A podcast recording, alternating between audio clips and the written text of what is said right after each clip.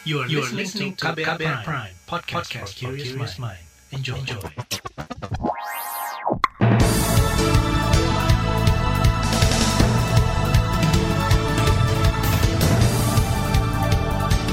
Selamat pagi saudara, kembali bertemu dengan saya Reski Mesanto di Buletin Pagi Hari ini edisi Jumat 5 Februari 2021 Pagi hari ini seperti biasa, sejumlah informasi telah kami siapkan untuk Anda Di antaranya, perubahan sertifikat tanah elektronik menuai pro dan kontra Pemerintah sebut transaksi dengan dinar atau dirham menyimpang Dan pasar tradisional tetap buka saat gerakan Jawa Tengah di rumah saja dan saudara inilah Buletin Pagi selengkapnya. Terbaru di Buletin Pagi. Saudara, Kementerian Agraria dan Tata Ruang atau Badan Pertanahan Nasional atau ATR BPN menerbitkan aturan tentang sertifikat elektronik yang ditandatangani 12 Januari 2021. Aturan ini salah satunya mengatur soal pergantian bukti kepemilikan tanah dari kertas ke sertifikat tanah elektronik. Menteri Agraria dan Tata Ruang dan Kepala Badan Pertanahan Nasional, Sofyan Jalil, mengatakan Pemerintah tidak akan mengganti sertifikat tanah milik masyarakat sebelum rencana digitalisasi dijalankan dan disempurnakan.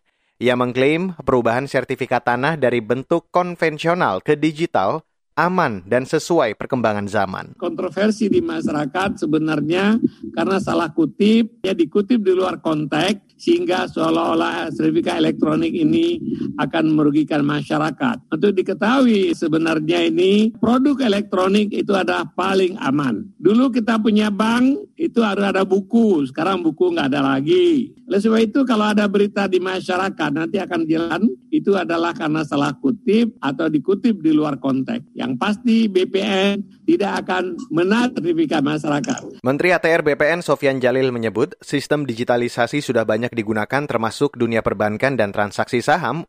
Untuk itu ia meminta masyarakat tidak khawatir. Bahkan Sofian meminta masyarakat segera melapor jika ada yang mengaku sebagai petugas kementerian dan meminta sertifikat tanah. Saat ini dari 126 juta bidang tanah di Indonesia, baru sekira 70-an juta yang sudah bersertifikat. Saudara, pergantian sertifikat tanah konvensional menjadi elektronik rencananya dilakukan pada instansi pemerintah lebih dahulu. Menurut Dirjen Penetapan Hak dan Pendaftaran Tanah Kementerian ATR BPN Suyus Wityana, instansi pemerintah dinilai lebih mudah mengganti bentuk sertifikat menjadi elektronik. Selanjutnya adalah badan hukum, karena memiliki pemahaman dan peralatan elektronik yang dinilai sudah siap. Setelah itu, pergantian sertifikat elektronik akan dilakukan kepada pemilik perorangan dengan tetap mengacu pada kota, subjek, dan objek yang ditetapkan melalui keputusan Menteri ATR dan Kepala BPN. Namun, saudara, rencana perubahan sertifikat tanah konvensional ke sertifikat elektronik dikritik kalangan LSM. Menurut Sekjen Konsorsium Pembaruan Agraria atau KPA Dewi Kartika, implementasi digitalisasi sertifikat tanah berpotensi memperparah konflik agraria. Kata dia, pemerintah seharusnya menuntaskan konflik agraria antara rakyat dan pemerintah maupun badan hukum lebih dahulu. Akibatnya kan kalau prosesnya mendahulukan uh, digitalisasi uh, sertifikat-sertifikat uh, milik uh, pemerintah atau tanah negara atau uh, milik uh, badan usaha swasta maupun negara justru berpotensi memperparah konflik agraria, mengukuhkan ketimpangan monopoli tanah oleh badan-badan usaha skala besar. Sekjen Konsorsium Pembaruan Agraria Dewi Kartika menyatakan, Program sertifikat tanah elektronik tidak mendesak untuk dilaksanakan saat ini. Apalagi dari sisi hukum, masyarakat juga punya hak menyimpan sertifikat tanahnya dalam bentuk fisik. Dari segi keamanan, Dewi juga meragukan sistem teknologi informasi yang dimiliki Kementerian ATR BPN. Potensi pembajakan secara cyber masih menjadi ancaman serius. Belum lagi di pelosok Nusantara, koneksi akses layanan digital juga masih buruk. Sementara itu, saudara, hal senada disampaikan kalangan petani. Aktivis Serikat Petani Pasundan atau SPP Garut, Jawa Barat, Yudi Kurnia mengatakan, jika sertifikat tanah beralih ke digital elektronik, maka proses verifikasi lahan justru akan merugikan rakyat, terutama yang sedang bersengketa dengan pemerintah maupun perusahaan. Karena masih banyak di daerah-daerah ini tanah-tanah adat yang belum bersertifikat. Nah, asal-usul tanahnya ini yang harus emang harus teliti. Kalau online, siapa yang mengakses online, mungkin mereka lah yang punya akses terhadap sertifikat itu. Sementara rakyat yang tidak apa-apa, tidak tahu prosedur, tidak tahu internet, pasti kalah sama orang-orang pintar yang emang licik gitu. Aktivis Serikat Petani Pasundan Garut Jawa Barat Yudi Kurnia mencontohkan mencontohkan, hingga saat ini di wilayahnya masih banyak terjadi sengketa lahan milik rakyat yang belum terselesaikan. Kasusnya bahkan mangkrak hingga puluhan tahun. Yudi meminta pemerintah menyelesaikan dulu seluruh konflik agraria yang menggantung sebelum mengubah sertifikat tanah menjadi elektronik. Saudara, Lembaga Kajian Ekonomi Indef menilai perubahan sertifikat tanah konvensional ke elektronik memiliki sejumlah keuntungan. Antara lain, memudahkan masyarakat menjaminkan sertifikatnya ke perbankan untuk gadai maupun simpan pinjam. Selain itu, digitalisasi juga dapat mengurangi alih fungsi lahan pertanian di masa mendatang. Berikut pernyataan pengamat ekonomi dari Indef, Rusli Abdullah. Intinya ada uh, apa namanya penyatuan uh, tanah uh, data sehingga menjadi ini apa namanya terintegrasi ya. Nah satu yang kedua adalah kalau untuk uh, sawah ini ini mbak uh, sangat uh, penting untuk integrasi uh, terutama mencegah ini mbak konversi lahan ya. Pengamat ekonomi dari Indef Rusli Abdullah menambahkan selama ini banyak terjadi konversi lahan pertanian menjadi lahan pakai lain atau berubah fungsi. Hal itu terjadi karena adanya perubahan atau perbedaan data antara Kementerian ATR BPN dan Pemda setempat. Dengan sertifikasi tanah elektronik, diharapkan semua data terintegrasi tunggal sesuai catatan awal kegunaan lahan. Tapi Rusli mengingatkan akses digital juga harus dipenuhi hingga ke pelosok negeri. Saudara, Wakil Presiden nyatakan transaksi dengan dinar atau dirham menyimpang. Informasi selengkapnya akan kami hadirkan, tetaplah di Buletin Pagi. You're listening to KBR Pride, podcast for curious mind. Enjoy!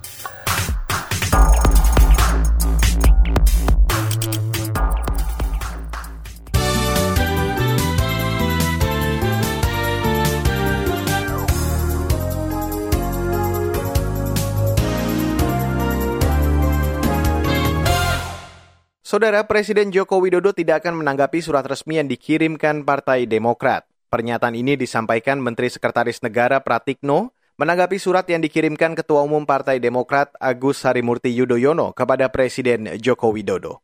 Iya benar, kami sudah menerima surat dari Pak AHY yang ditujukan kepada Bapak Presiden. Eh, diantar langsung oleh eh, Pak Sekjen Partai Demokrat dan kami rasa kami tidak perlu menjawab surat tersebut karena itu adalah perihal dinamika internal partai. Itu adalah perihal rumah tangga internal Partai Demokrat yang semuanya kan sudah diatur di dalam ADART. Itu tadi Mensesnek Pratikno. Sebelumnya, Ketua Umum Partai Demokrat Agus Harimurti Yudhoyono berkirim surat resmi ke Presiden Joko Widodo. Surat itu bertujuan meminta klarifikasi Presiden terkait dugaan adanya sejumlah pejabat di lingkaran istana yang ingin mengambil alih kepemimpinan di Partai Demokrat. Saudara Wakil Presiden Maruf Amin menilai transaksi pasar muamalah yang menggunakan mata uang dinar dirham menyimpang dari aturan sistem keuangan Indonesia. Maruf beralasan sistem keuangan Indonesia menggunakan rupiah sebagai alat transaksi yang sah. Ini disampaikan Maruf menanggapi keberadaan pasar muamalah yang transaksi jual belinya menggunakan koin dinar dan dirham di Depok, Jawa Barat. Jadi tidak boleh ada sesuatu transaksi atau aturan yang tidak sesuai dengan sistem yang ada diatur di negara kita. Hmm. Ini untuk menjaga ya supaya tidak terjadi kekacauan di dalam masalah keuangan dan ekonomi nasional kita. Wakil Presiden Maruf Amin menegaskan pemberdayaan ekonomi umat dan penegakan pasar berbasis syariah harus mengikuti peraturan pemerintah seperti perbankan syariah. Sebelumnya, penyidik Baris Krim Polri menangkap Zaim Zaidi. Ia diduga sebagai inisiator, penyedia lapak, dan pengelola pasar muamalah di Depok, Jawa Barat. Zaim juga disebut menyediakan wakala induk, tempat menukarkan mata uang rupiah ke dinar atau dirham. Saudara, Densus 88 anti teror memindahkan puluhan terduga teroris dari Makassar ke Jakarta kemarin. Puluhan terduga teroris itu berasal dari kelompok Jamaah Asarut Daulah atau JAD Makassar yang berafiliasi dengan ISIS. Juru bicara Mabes Polri, Rusdi Hartono mengatakan, Dari hasil pemeriksaan, 19 terduga teroris ini anggota aktif Front Pembela Islam Makassar. FPI adalah organisasi yang dilarang pemerintah. 7 dari Gorontalo dan 19 dari Makassar. Untuk di Gorontalo, kelompok ini dikenal dengan Ikhwan Pahuwato. Juru bicara Mabes Polri, Rusdi Hartono menambahkan, tersangka diduga telah mempersiapkan diri dengan latihan fisik dan bela diri, serta kemampuan merakit bom. Mereka diduga akan menyerang markas polisi, rumah dinas, dan rumah pejabat di Gorontalo. Mereka akan dipindahkan ke rutan Makobrimob di Cikeas. Masih soal terorisme, saudara, Lembaga Perlindungan Saksi dan Korban atau LPSK menyerahkan kompensasi kepada 36 korban tindak pidana terorisme bom Bali 1 dan 2 pada Kamis kemarin. Total nilai kompensasi itu mencapai 7,8 miliar rupiah. Ketua LPSK Hasto Atmojo Suroyo mengatakan, korban yang menerima kompensasi itu merupakan bagian dari 215 korban terorisme yang berhasil diidentifikasi LPSK dan Badan Nasional Penanggulangan Terorisme. Penyerahan perdana kompensasi secara simbolis diserahkan langsung Presiden Joko Widodo pada pertengahan Desember lalu. Khusus untuk korban bom Bali yang diputuskan berhak menerima kompensasi 45 orang, terdiri dari 38 korban bom Bali 1 dan 7 korban bom Bali 2. Beralih ke informasi ekonomi, saudara, pemerintah menegaskan tidak akan memotong nilai insentif untuk tenaga kesehatan pada tahun ini. Dirjen Anggaran Kementerian Keuangan, Asko Lani, memastikan besaran insentif tenaga kesehatan tahun ini akan diberikan sama nilainya seperti tahun lalu, yakni 15 juta rupiah untuk dokter spesialis, Dokter umum dokter gigi 10 juta, bidan atau perawat 7,5 juta, dan tenaga medis lainnya 5 juta rupiah. Dan kami meyakinkan bahwa saat ini belum ada perubahan kebijakan mengenai insentif nakes. Eh, dengan demikian, insentif tetap sama diberlakukan pada tahun 2021 ini. Sama dengan diberikan di tahun 2020. Ini yang mungkin kami tegaskan. Dirjen Anggaran Kementerian Keuangan Askolani menyatakan, pemerintah mendukung dan mengapresiasi kinerja tenaga kesehatan yang menjadi barisan terdepan dalam penanganan COVID-19. Sebelumnya, Menteri Keuangan Sri Mulyani Indrawati akan mengurangi besaran nilai insentif yang diterima oleh tenaga kesehatan untuk tahun ini. Namun, kebijakan ini menuai protes dari kalangan dewan dan tenaga kesehatan. Beralih ke mancanegara, saudara, tiga orang pendemo ditangkap saat menggelar aksi protes menentang kudeta militer di kota Mandalay, Myanmar kemarin. Penangkapan itu juga telah dikonfirmasi aktivis mahasiswa dari tiga kelompok yang berbasis di Mandalay dan Yangon. Mengutip Reuters, aksi protes kali ini merupakan demo jalanan pertama yang menentang pengambilan kekuasaan pemerintahan Aung San Suu Kyi. Masa membawa spanduk dan meneriakan slogan anti kudeta dan meminta pemimpin mereka dibebaskan. Sehari sebelumnya, aksi protes juga digelar petugas medis dari 70 rumah sakit dari seluruh penjuru Myanmar. Beralih ke berita olahraga, saudara, operator kompetisi PT Liga Indonesia Baru atau LIB mengklaim telah menyiapkan protokol kesehatan lengkap guna meyakinkan kepolisian bahwa Liga 1 2021 aman digelar di tengah pandemi COVID-19.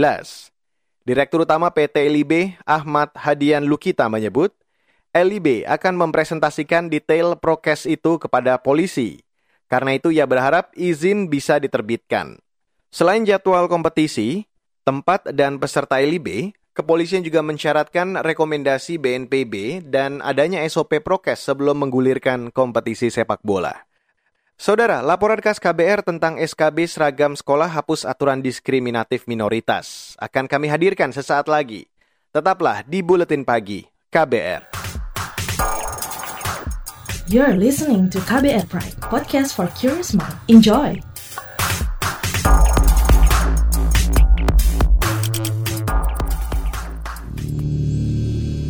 Suatu hari, virus berkumpul dan mulai kebingungan. Duh, bingung. Mau nyari mangsa ke mana lagi ya? Iya nih, semua orang pada pakai masker. Aku ada ide. Kita nongkrong di rumah makan aja gimana? Ngeliatin orang-orang yang lengah nggak pakai masker? Wah, ide yang bagus.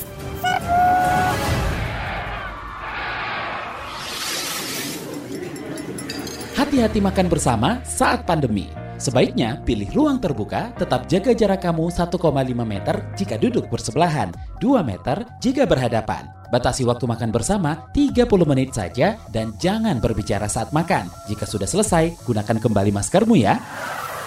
Jangan sampai lengah, COVID masih ada. COVID masih ada. Pesan layanan masyarakat ini adalah kampanye bersama media lawan COVID-19.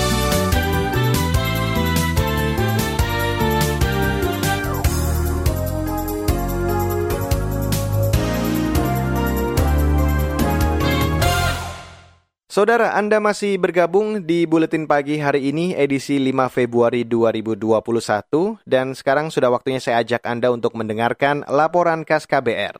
Pemerintah menerbitkan surat keputusan bersama tentang seragam sekolah yang ditandatangani tiga menteri. Surat ini terbit salah satunya untuk menyikapi kasus pemaksaan penggunaan jilbab kepada salah satu siswi non-muslim di Padang, Sumatera Barat. Tujuannya antara lain mencegah hal serupa terjadi kembali. Lantas bagaimana aturan baru soal seragam sekolah tersebut? Laporannya akan kami hadirkan selengkapnya bersama Mutia Kusuma Wardani. Januari lalu, orang tua siswa di sekolah menengah kejuruan negeri 2 Padang, Sumatera Barat memprotes aturan terkait kewajiban pemakaian jilbab bagi anaknya yang non-muslim. Orang tua siswi non-muslim berinisial EH tidak terima anaknya seolah dipaksa sekolah menggunakan jilbab – sesuatu yang berbeda dengan keyakinan mereka. Apalagi anaknya bersekolah di sekolah negeri. Yang aturan sekolah itu, itu kan jilbab ini Pak, lambang agama saya Pak. Kalau saya pakai jilbab, seakan-akan saya membohongi identitas agama saya. Ya kan? Di mana hak agama saya, hak agasi saya? Yang lain wajib dipakai.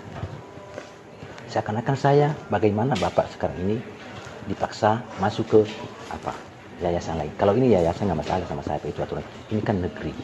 Orang tua siswi EH juga menyayangkan sikap sekolah yang saat pertemuan itu masih berkeras memaksakan aturan kewajiban mengenakan jilbab bagi seluruh siswinya.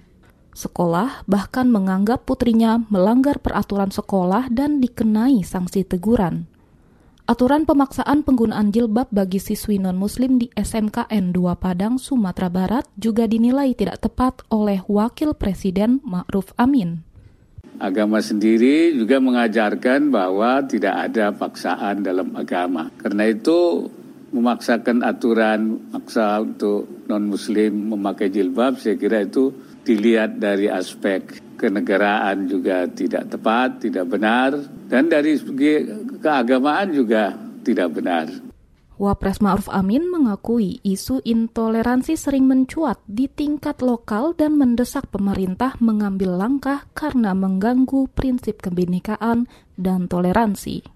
Dua pekan lebih dari kasus pemaksaan penggunaan jilbab bagi semua siswi, termasuk siswi non-muslim di kota Padang, pemerintah menerbitkan surat keputusan bersama tiga menteri soal seragam sekolah – Keputusan itu ditandatangani Menteri Pendidikan dan Kebudayaan Nadiem Makarim, Menteri Dalam Negeri Tito Karnavian, dan Menteri Agama Yakut Khalil Komas. Namun, SKB itu dikecualikan bagi Provinsi Nangro Aceh Darussalam, sebab di sana telah ada peraturan perundang-undangan terkait pemerintahan Aceh.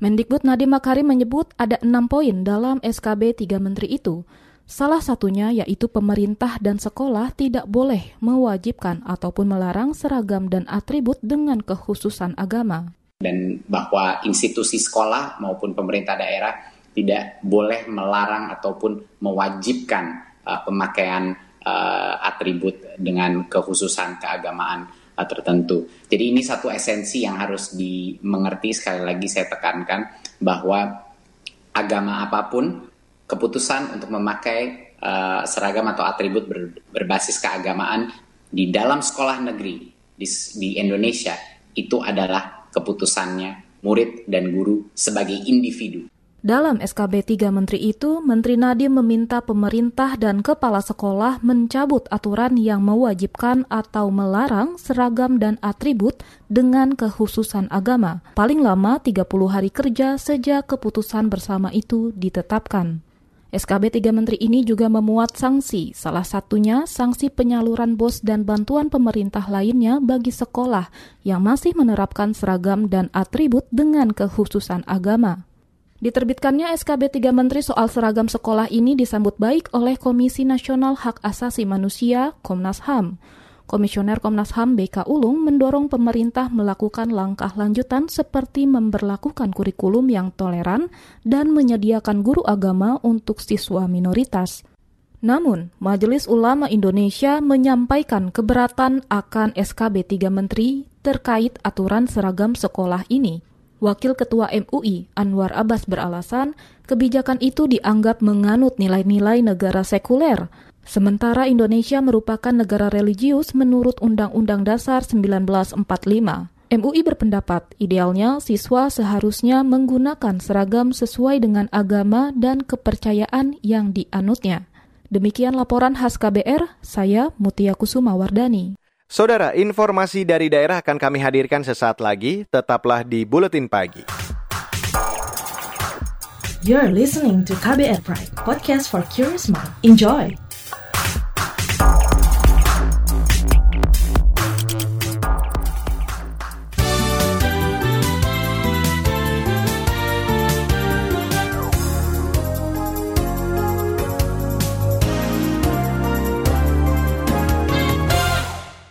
Inilah bagian akhir dari buletin pagi. Kita ke Jawa Tengah, saudara. Sejumlah pasar tradisional di kota Semarang masih akan beroperasi selama penerapan gerakan Jateng di rumah saja. Menurut Kepala Dinas Perdagangan Kota Semarang, Fravarta Satman, ada tiga daerah yang pasar tradisional tetap buka, yaitu Kota Semarang, Banyumas, dan Sragen. Semuanya menerapkan disiplin protokol kesehatan COVID-19. Ya intinya kita ngamankan surat edarannya gubernur. Kita protokol kesehatan ya harus kita tegakkan. Kemudian untuk pasar-pasar event itu tidak kita adakan dulu, kita tutup. Kebutuhan logistik dan kebutuhan pokok masyarakat masih diperbolehkan buka. Di SE-nya gubernur kan semacam itu. Itu tadi Kepala Dinas Perdagangan Kota Semarang, Fravarta Satman. Sebelumnya, Gubernur Ganjar Pranowo meluncurkan gerakan Jawa Tengah di rumah saja pada akhir pekan ini atau Sabtu Minggu. Gerakan ini diterapkan untuk mengurangi jumlah kasus COVID-19 di Jateng. Selama dua hari, semua kegiatan masyarakat dibatasi ketat, termasuk penutupan tempat wisata. Kebijakan ini sempat menuai pro kontra di masyarakat, dan hingga pekan ini, 12 daerah di Jawa Tengah masih zona merah COVID-19. Beralih ke Papua, saudara, seorang anggota kelompok kriminal bersenjata atau KKB di Hipadipa, Kabupaten Intan Jaya tewas saat kontak senjata dengan aparat TNI. Kontak senjata terjadi pada Rabu sekitar jam 5 pagi. Ini disampaikan Pangdam 17 Cendrawasih Ignatius Yogo Triyono kemarin. Anggota KKB yang tewas yaitu Peria Mirip, aparat menyita barang bukti berupa telepon selular dan perangkat komunikasi. Dari data yang dihimpun antara, sejak awal Januari lalu, tercatat dua kali kontak senjata. Kejadian itu menewaskan tiga personel TNI dari Yonif Banteng Riders. Mereka tergabung dalam satuan tugas pengamanan daerah rawan. Saudara, informasi tadi menutup buletin pagi hari ini, edisi 5 Februari 2021. Jangan lupa untuk selalu memantau informasi terbaru setiap jamnya melalui kabar baru, Situs kbr.id, Twitter kami di account at berita KBR, dan untuk Anda yang tertinggal buletin pagi hari ini, Anda kembali bisa mendengarkan di kbrprime.id.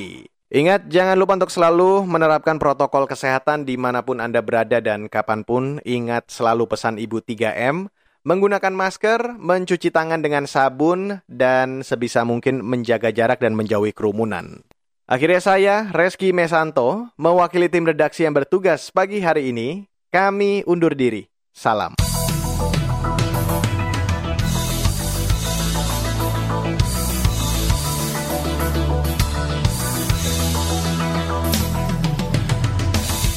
KBR Prime, cara asik mendengar berita. KBR Prime, podcast for curious mind.